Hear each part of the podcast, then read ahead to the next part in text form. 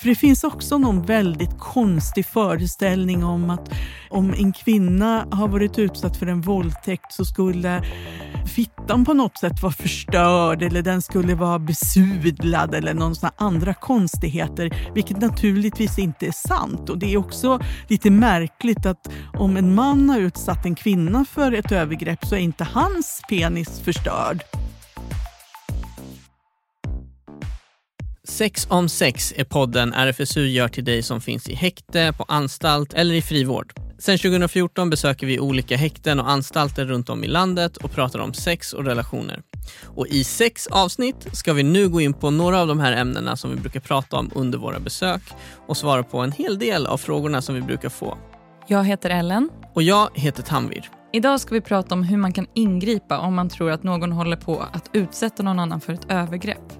Vi kommer också prata om hur man kan må efter ett övergrepp och vilken hjälp man kan få. Vi ska prata med Pelle Ullholm som är sexualupplysare och Susanne Larsdotter som är sexolog. En grej som folk brukar reagera på när vi pratar om sex är att vi använder ord som till exempel kuk och fitta. Och Det är ord som används som svordomar, men det är också ord som faktiskt beskriver våra könsorgan och som vi väljer att använda för att vi vill beskriva vad vi menar på ett enkelt sätt. Och ibland funkar de orden och ibland funkar det bättre med ord som penis eller vagina. Det beror lite på vad vi snackar om. Så i podden så kommer vi använda ord som kanske kan kännas provocerande. Men det kanske är just för att det handlar om sex. Men det viktiga är att alla använder ord som de tycker funkar. Välkommen hit Pelle. Tack så mycket. Kul att ha dig här. Fint att vara här. Vem är du? Vad är det du gör? Jag är sexualupplysare och jag jobbar med olika saker. Jag gör mycket metodutveckling och har jobbat en del i vårt projekt där vi möter personer som sitter häktade och anstalt. Men också mycket med de här projekten som handlar om sexualitet, kommunikation och gränser, som vi kallar det här. Och Vi ska prata om någonting som heter aktivt åskådarskap. Alltså hur man kan göra om man ser att någon håller på att bli utsatt för till exempel en våldtäkt eller ett sexuellt övergrepp. Aktivt åskådarskap är att se någonting och ingripa. Och vi ska börja med att kolla på ett klipp från en film som RFSU gjorde om just aktivt åskådarskap. Och eftersom det inte går att se videoklippet så kommer jag berätta om vad som händer i filmen. Det här är under en hemmafest och en kille står i hallen. Han väntar vid dörren till ett sovrum och killen har pillat bort etiketten på ölflaskan som han håller i handen. Han känner sig orolig för att en tjej har blivit indragen i sovrummet mot sin vilja. Och nu kommer hans kompis fram. Vad fan där är Vad är det? Det är något. Känner, känns i magen. Är du säker? Jag vet inte, måste man vara det? Alltså det är ju en ganska allvarlig sak att påstå. Att liksom säga till någon. Ursäkta okända tjej, men håller du på att bli våldtagen? Det är Filip. Han som bakar muffins. Och ska vi låta det romantiska. Han skulle aldrig göra en sån sak. Han drog i henne. Det är fan inte okej. Okay. Han tjatade, hon ville inte, jag såg. Hon ville inte. Men hon var väl intresserad? Först, men sen nej. Vad fan vill du att man ska säga då? Eh, vet du att hon verkligen vill eller vad, vad fan gör du? Men du behöver inte säga exakt sådär. Du kan säga på ett mer sätt. Som att du vill bara kolla läget. Men se, det kommer, det kommer bli ett jäkla liv, okej? Okay? På andra också. De kommer typ, vad fan, vad fan är det med er? Har ni inte fått ligga eller? Och säga, här ska vi tro på dig och henne för det är Filip. Kompisen tar fram ett paraply och börjar vifta med den som ett vapen. Ska vi ta en chans mot Filip alltså? Nej. Kan i alla fall fightas bättre än mig. Och till slut bestämmer de sig. Men grejen är, vi måste göra något åt saken alltså. Är du med eller inte? Båda killarna går in till rummet. Okej, okay, kom.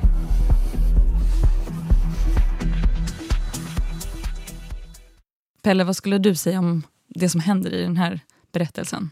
Jag skulle vilja säga att vi fick eh, fånga en situation som inte alls är ovanlig. Att man har på känn att någonting händer och att man har på känn att det skulle påverka en själv om man ingrep. Att det inte är självklart att det skulle sakna konsekvenser ifall man ställde upp för någon som man innerst inne känner att man borde ställa upp för. Ja, och de här killarna, det verkar ju som att de, de känner i magen att någonting är fel, men det är ändå svårt att gå in och säga ifrån, för det här är ju deras kompis och de vet att han egentligen är en fin kille och att ja, men att det kan bli ett jäkla liv som en av dem säger. Hur Tycker du att de agerar rätt i den här situationen? Jag tycker såklart att de agerar rätt och jag tycker att det också är så att man ska visa på att det är också självklart att man har en tvekan i de här situationerna. För Filip kanske är en kompis, men han är också en person med mycket inflytande. Eh, bortsett från att han verkar slåss bra, baka muffins bra och också kunna skriva romantiska låtar. Det är en fantastisk person, den här Filip, på många olika sätt. Eh, lite av en karaktär kanske. Men i alla fall, eh, de vet att det får konsekvenser. De har analyserat situationen och det de behöver göra i den här situationen, det är att de behöver analysera den medan den pågår. Och det hade varit bättre om de hade haft tid innan kanske, för sin egen skull. Då hade det varit lättare att ingripa fort. Det som gör att man behöver analysera den medan den pågår är för att man inte har tänkt efter före. Och det är ett av våra huvudtips. Tänk efter före, hur skulle du göra? Mm. Och En av mina favoritrepliker är skapad av en av skådespelarna. När han säger själv så här, man kanske kan göra något värdigt, säger han. Han använder ordet värdigt. Jag tycker det, han sätter det liksom på pränt, för det handlar om att han ska gå in i en situation där han inte vill han inte vet vad som händer. Han vet inte. Det kanske är så att det har vänt till något positivt i det här rummet. Det är inte självklart. Eh, utan han vill gå in och känna av läget och han vill inte eh, utsätta sig själv för en situation där han verkligen går på. Eh, han vill inte heller att någon ska bli utsatt. Det finns en värdighet i det. Och också den som är på väg att gå för långt kanske också behöver behandlas värdigt i den här situationen för att det inte ska eh, eskalera våldsmässigt. Utan man kan hålla, hålla koll på situationen och kanske deskalera en situation som är på väg att bli våldsam. Alltså minska betyder det. Minska våldskänslan i rummet genom att ta det på rätt sätt. Du sa just så här, man ska, det är bra att agera före. Vad ska man göra då? Alltså egentligen kan alla personer tänka så här, jag kommer vara med i en situation där någon kommer bli utsatt för någon typ av våld. Eh, det kommer hända i mitt liv, och till exempel vid sexuellt våld. Hur ska jag tänka? Hur passar det mig att agera? För olika personer har olika förutsättningar. Om du pratar med någon som är tränad, då skulle den kunna göra ett direkt ingripande. Det som polisen kallar för ett envarsingripande. Den vet hur den ska göra på det sättet. Den som inte är det kanske behöver hitta ett sätt som handlar om att skoja bort någonting, göra någonting roligt, avbryta, avleda. Vi pratar mycket om att fokusera på, eh, alltså fokusera på den som blir utsatt genom att tänka mer omtänksamt istället för misstänksamt. Vad kan jag göra för den här personen som är i den här svåra sitsen? På vilket sätt gör jag det bäst? För det vi ser från studier eh, så är det så att väldigt många killar väljer att inte gripa in, för det de tänker i huvudet det är att jag ska hindra en person med våld som är på väg att använda våld. Och Det blir en hög tröskel för många att gå in och göra det på det sättet. Om man skulle kunna få tipset som kille att tänka, kan jag på något sätt som avdramatiserar, avleder det här? Då har jag lättare att gå in i situationen. Det är mindre på spel. Eh, och, eh, men jag gör ändå jobbet, så att säga. Eh, och det, det vill vi att flera unga personer skulle kunna tänka. Att hur ska jag kunna göra jobbet utan att känna att det blir risk för mer våld, risk för utsatthet för mig, för den andra, eh, risk för ryktespridning om den, om oss. Hur ska jag kunna göra så att det här liksom inte blir en stor grej, utan det blir bra, men en mindre grej? Jag tänker också att det, det känns viktigt att som de här personerna som delar det tillsammans, att det är två kompisar som liksom, eh, den ena har en oroskänsla och lyfter med den andra, att de tillsammans kan gå dit. Kanske känns lite lättare än att göra det helt själv. Precis, absolut. Det är liksom också som ett inbyggt tips i den där berättelsen. Hitta mm. en allierad, hitta någon som kan dela med.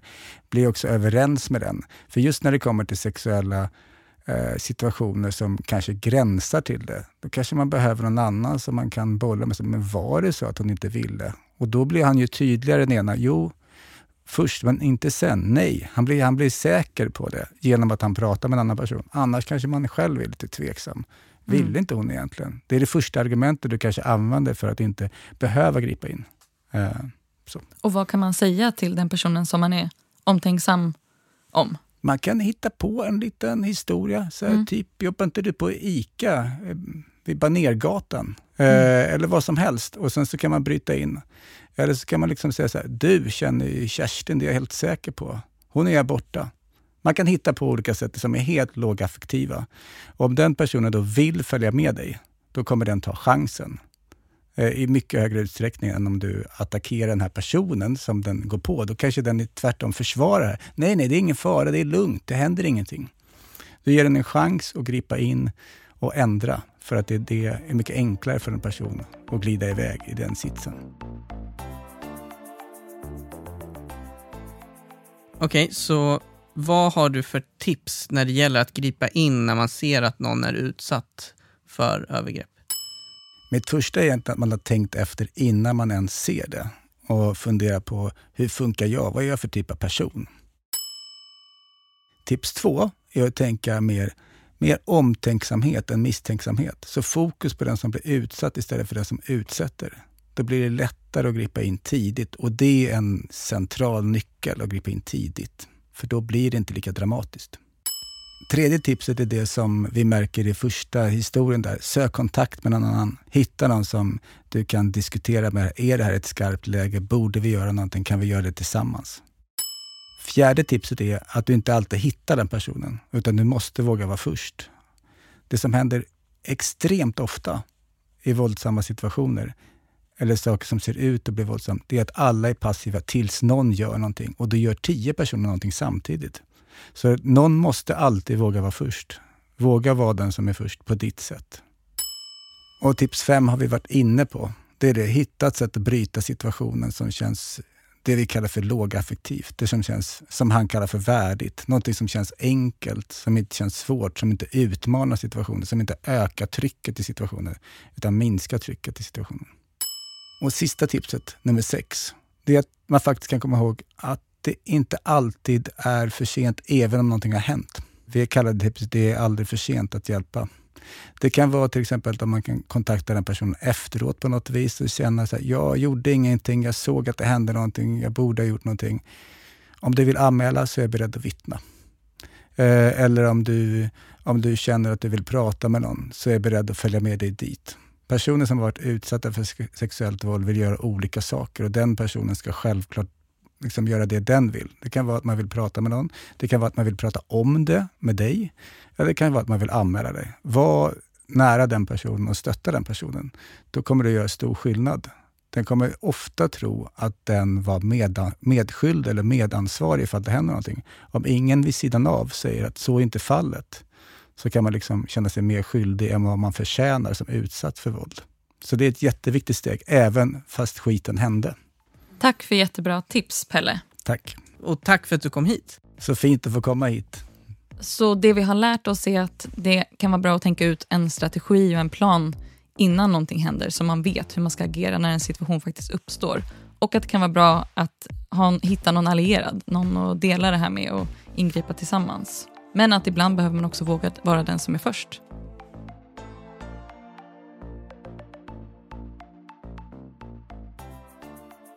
Eh, vi har pratat om hur man kan göra för att gripa in och förhindra eventuella övergrepp. Men tyvärr är det långt ifrån alla övergrepp som förhindras. Och Det här är ett tungt ämne, men det är viktigt att prata om. Och alla som har varit utsatta har rätt att få stöd och information. Och Vi ska prata nu med Susanne Larsdotter som är sexolog eh, om just det här med sexuella trauman och övergrepp. Och du Susanne som är sexolog, du har träffat och hjälpt väldigt många som har varit med om ett trauma, stämmer det? Ja, jag har jobbat med både kvinnor och män utsatta för sexuellt våld i många år. Kan du berätta lite så här, vad är sexuella övergrepp? Ja, sexuella övergrepp är ju väldigt mycket och eh, det är ju allt från att man tjatar sig till sex till liksom grova våldtäkter där man eh, tilltvingar sig sex under våld. Och sexuella övergrepp är ju ett ganska brett paraplybegrepp kan man säga, där det också inrymmer handlingar som inte är kriminaliserade, som inte är olagliga, men som för den delen ändå är olämpliga och oetiska till grova övergrepp. Så att, eh, det kan vara väldigt många olika saker. Kan det vara typ att tafsa på någon som inte vill det? Eller... Att skicka dickpics, är det sexuella övergrepp? Ja, det är ju en form av sexuella övergrepp, men både tafsa och skicka dickpic kan ju också vara olagligt faktiskt. Just det. Hur många tror du utsätts för sexuella övergrepp? Det är väldigt vanligt med sexuella övergrepp. Det är till och med så att det finns siffror på att ungefär hälften någon gång har varit utsatt. Men då handlar det ju just om att det inte är de här grövsta övergreppen utan att man har varit utsatt för sexuella trakasserier eller oönskad beröring eller på något sätt. Så det Men, behöver inte vara liksom överfallsvåldtäkt? Liksom. Nej, det, överfallsvåldtäkterna är en väldigt liten del av de sexuella övergreppen. De flesta som utsätts för sexuella övergrepp och sexuellt våld, det är kvinnor. Men det finns såklart också många män som har sådana erfarenheter. Det är många personer som kommer till dig och söker hjälp efter ett övergrepp. Kan inte du berätta lite, så här, vad, vad kan de ha för symptom eller liksom olika besvär som gör att de söker din hjälp? Just nu när jag jobbar som sexolog så är det många som kommer och har varit med om övergrepp som ligger ganska långt tillbaka i tiden. Och det, då kommer de för att de har olika sexuella problem eh, som har uppstått efter övergreppet. Det kan handla om att man får flashbacks, det vill säga att man eh, kommer ihåg och får bilder från övergreppet när man har sex eller att man, man känner att man har helt tappat tappat sin sexuella lust och sin sexualitet. Man har ingen kontakt med kroppen vilket gör att det spelar ingen roll vad man gör på sig själv eller någon annan gör för man känner det inte riktigt. Man kanske har fått en, utvecklat en destruktiv sexualitet där man känner att ja, men jag har ju sex för andras skull men inte för min egen skull. Och jag har svårt att överhuvudtaget säga nej till någon och låter andra ibland utnyttja mig. Så det kan se ut på väldigt många olika sätt. Men jag tänker de här personerna som som söker för de här olika besvären. Eh, är det många som inte kopplar sina symptom till övergreppet som de har varit utsatta för? Det finns vissa som inte kopplar sina symptom utan att det här kommer fram under tiden som vi har en samtalsbearbetning. Så kommer vi fram till att det har hänt någonting som har påverkat personen på ett sätt som de inte har tänkt på, att det fick de här konsekvenserna. Sen är det väldigt sällan som det inträffar att man totalt har förträngt ett övergrepp och att det kommer fram. Men däremot så så, kanske man inte tänker att det här har ett direkt orsakssamband mellan det där övergreppet som inträffade länge, för länge sedan. Men jag vill också säga det att, att vissa övergrepp handlar ju faktiskt om eh, situationer som, som förövaren kanske inte ens vet att, att blev till ett övergrepp. Att det är någon som har gjort någonting mot en som inte känns bra efteråt men man kanske inte kommunicerade det under tillfället man hade sex. Jag tänker också att många kanske inte vågar berätta om vad de har varit med om eller vågar inte polisanmäla det som har hänt. Och så. Vad skulle du säga, varför är det så? Liksom? Tyvärr är det så att många känner skam och skuld efter att man har varit utsatt för ett övergrepp. Och Mycket av det arbete som jag gör är också att lägga tillbaka ansvaret på förövaren. Man kan aldrig bära ett ansvar för någon har gått, som har gått över ens gränser. Sen ska jag säga att det är väldigt vanligt att när man blir utsatt för sexuellt våld att man får en så kallad freeze-reaktion. Det vill säga att man blir som fastfrusen. Man eh, kan inte säga någonting, man kan inte göra någonting utan att man får en tonic immobility heter det. Liksom att man, man blir verkligen eh, i en frusen position och inte kan göra någonting. Och då lägger många skulden på sig själv och säger att ja, men jag sa ju inte emot, jag, jag eh, försökte ju inte knuffa iväg personen eller någonting. Och därför är det jätteviktigt att veta om att det här är en väldigt vanlig reaktion. Och nu har vi också en samtyckeslagstiftning som innebär att om man ska ha sex med någon så måste man verkligen veta att man har sitt samtycke med den här personen man ska ha sex med.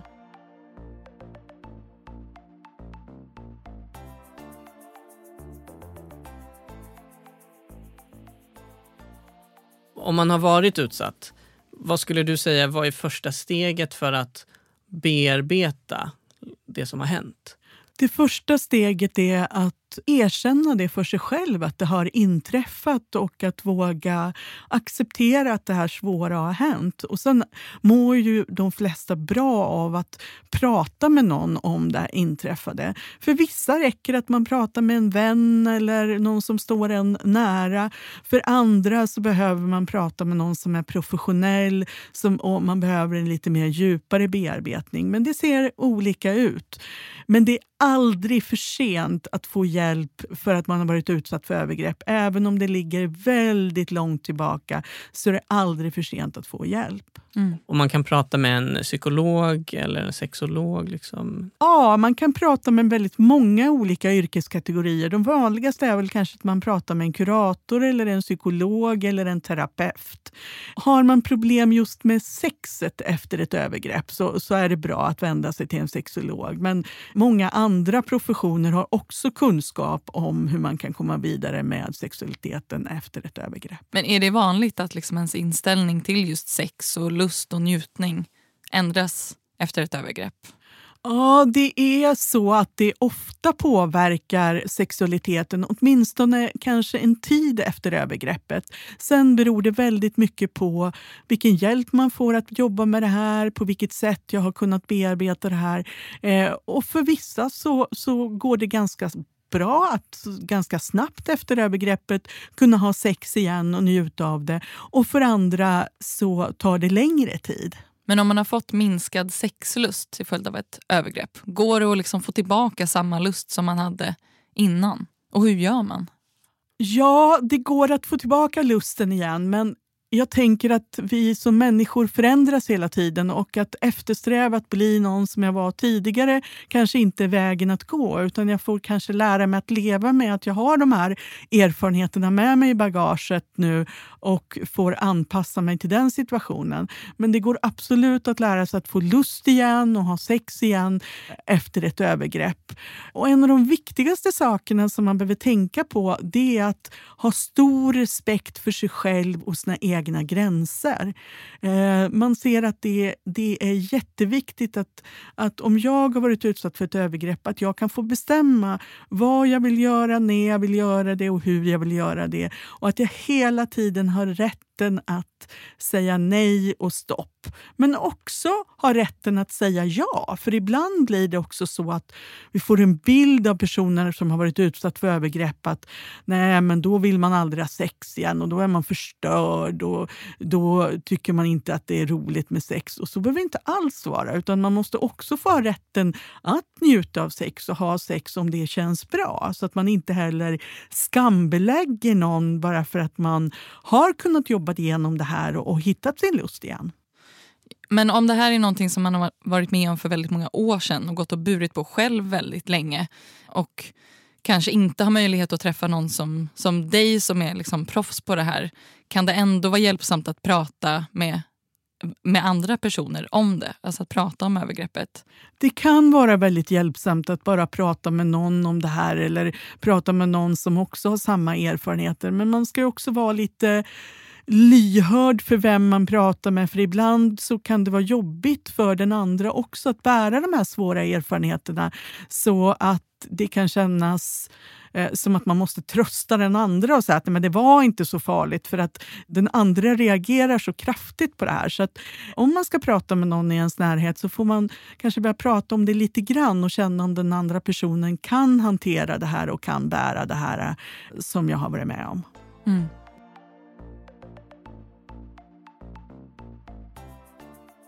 Jag tänker på det liksom, om man själv har en partner som har sådana här erfarenheter och mår dåligt.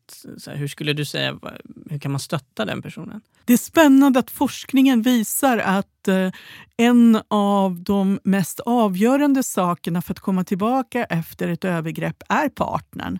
Men det är också eh, en av de saker som också kan ställa till det väldigt mycket, är också partnern. Så partnern har en väldigt viktig uppgift eh, i relation, om man har en relation till någon som har varit utsatt för övergrepp.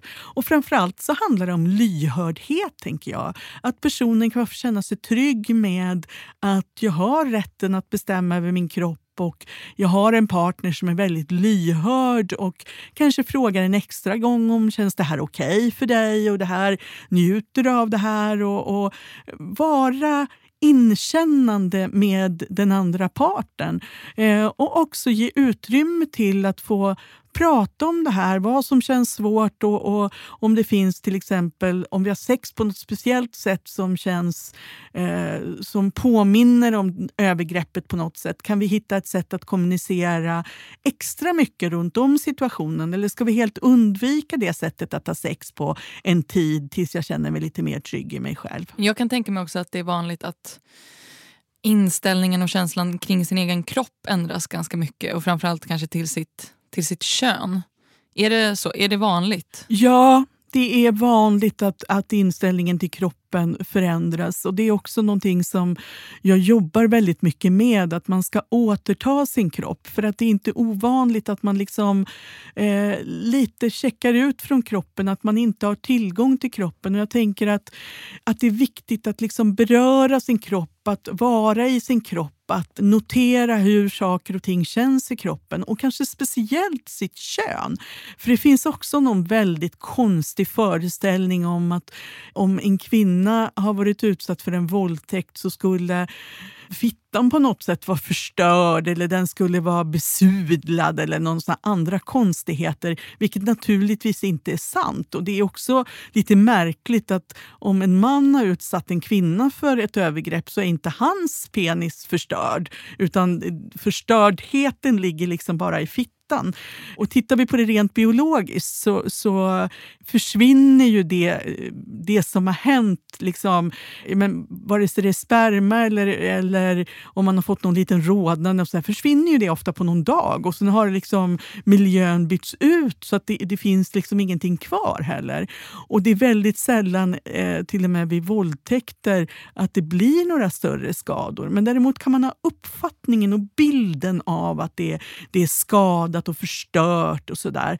Så därför är det också viktigt att komma till en barnmorska eller en gynekolog och göra en undersökning och att man får reda på att allting ser jättefint ut och det ser bra ut och det är liksom inga skador eller någonting. Och också ta tillbaka relationen med sitt eget kön och eh, lära känna det igen och vara lite ömsint mot det, tänker jag.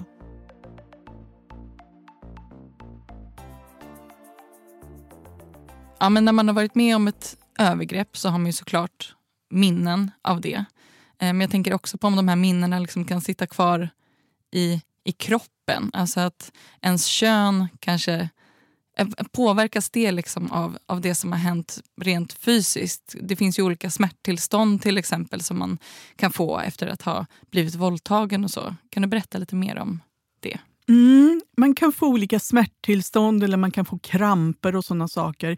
Men det är ju ett samspel också med psyket och kroppen.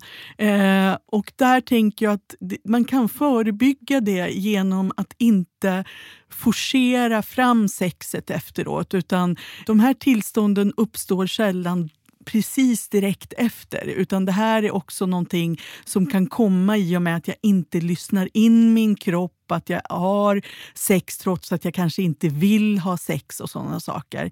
Så det bästa sättet att förebygga det här det är att vara väldigt rädd om sig redan från början eh, efter ett övergrepp och aldrig gå över gränserna. Och Det gäller ju eh, också senare också naturligtvis. Men har man väl fått vaginism eller, eller en smärtproblematik i vulva så behöver man ju söka hjälp för att komma till rätta med det här. Mm. Men det finns hjälp att få? Det finns bra hjälp att få eh, idag och det finns speciella mottagningar i större städer som också, där man kan söka hjälp för det här. Jag tänker att det kanske är lite svårt i kombination med att man också har tappat sin sexlust till följd av ett övergrepp. Alltså då kanske man inte har något intresse av att liksom utforska sitt kön igen och liksom känna lust och kåthet och så. Precis, och därför tänker jag att man kan göra andra saker. Jag brukar till exempel säga till, eh, till personen att köp dig en riktigt god, kanske lite extra dyr om du har möjlighet, lotion och smörj dig väldigt medvetet över hela kroppen. Och tänk när du, när du tar den här lotionen över armarna, hur känns det i min arm nu? Eh, är det här eh, min arm? Och definiera min arm. Och när jag fortsätter eh, liksom smörja med över hela kroppen. Så verkligen notera hur det känns i varje del av kroppen. Och Det där kan man ju också gärna göra med könet med någon liten olja eller någonting. Att bara smörja, smörja in könet också. Bara konstatera att nu är jag på Venusberget, nu glider jag ner över de yttre blygdläpparna. Hur känns det här? Och Det behöver ju inte kännas erotiskt eller sexuellt utan bara jag kan notera hur det känns så att jag blir medveten om min kropp igen. Det kan finnas någon som tänker att det är svårt att komma tillbaka liksom, till att må bra efter att ha varit utsatt för ett övergrepp. Alltså, vad skulle du säga till en sån person? Ja, det går alldeles utmärkt att komma tillbaka efter ett övergrepp. Jag har mött så många, både kvinnor och män, som varit utsatta för väldigt grova övergrepp och idag lever och har relationer och sex och mår väldigt bra i det här. Men någonstans är ju hemligheten att också acceptera att det här hemska har hänt mig och nu måste jag lära mig att leva med det och hitta strategier för att ändå känna lust och låta livet gå vidare. Och det var en kvinna som inte var hos mig för så länge sedan som, som också sa så här jag vägrar ge den här idioten som våldtog mig eh, rätten till att ha förstört mitt liv. Jag ska ta tillbaka mitt liv och jag ska göra det till ett fantastiskt bra liv. Och mitt, mitt mål är att jag inte ens ska bry mig om att han existerar i världen. För jag ska leva mitt liv på det sättet som jag vill. Ja, men så bra sagt. Det är så himla viktigt att komma ihåg att skulden och skammen ska ligga hos den som har utsatt någon och inte hos den som har blivit utsatt.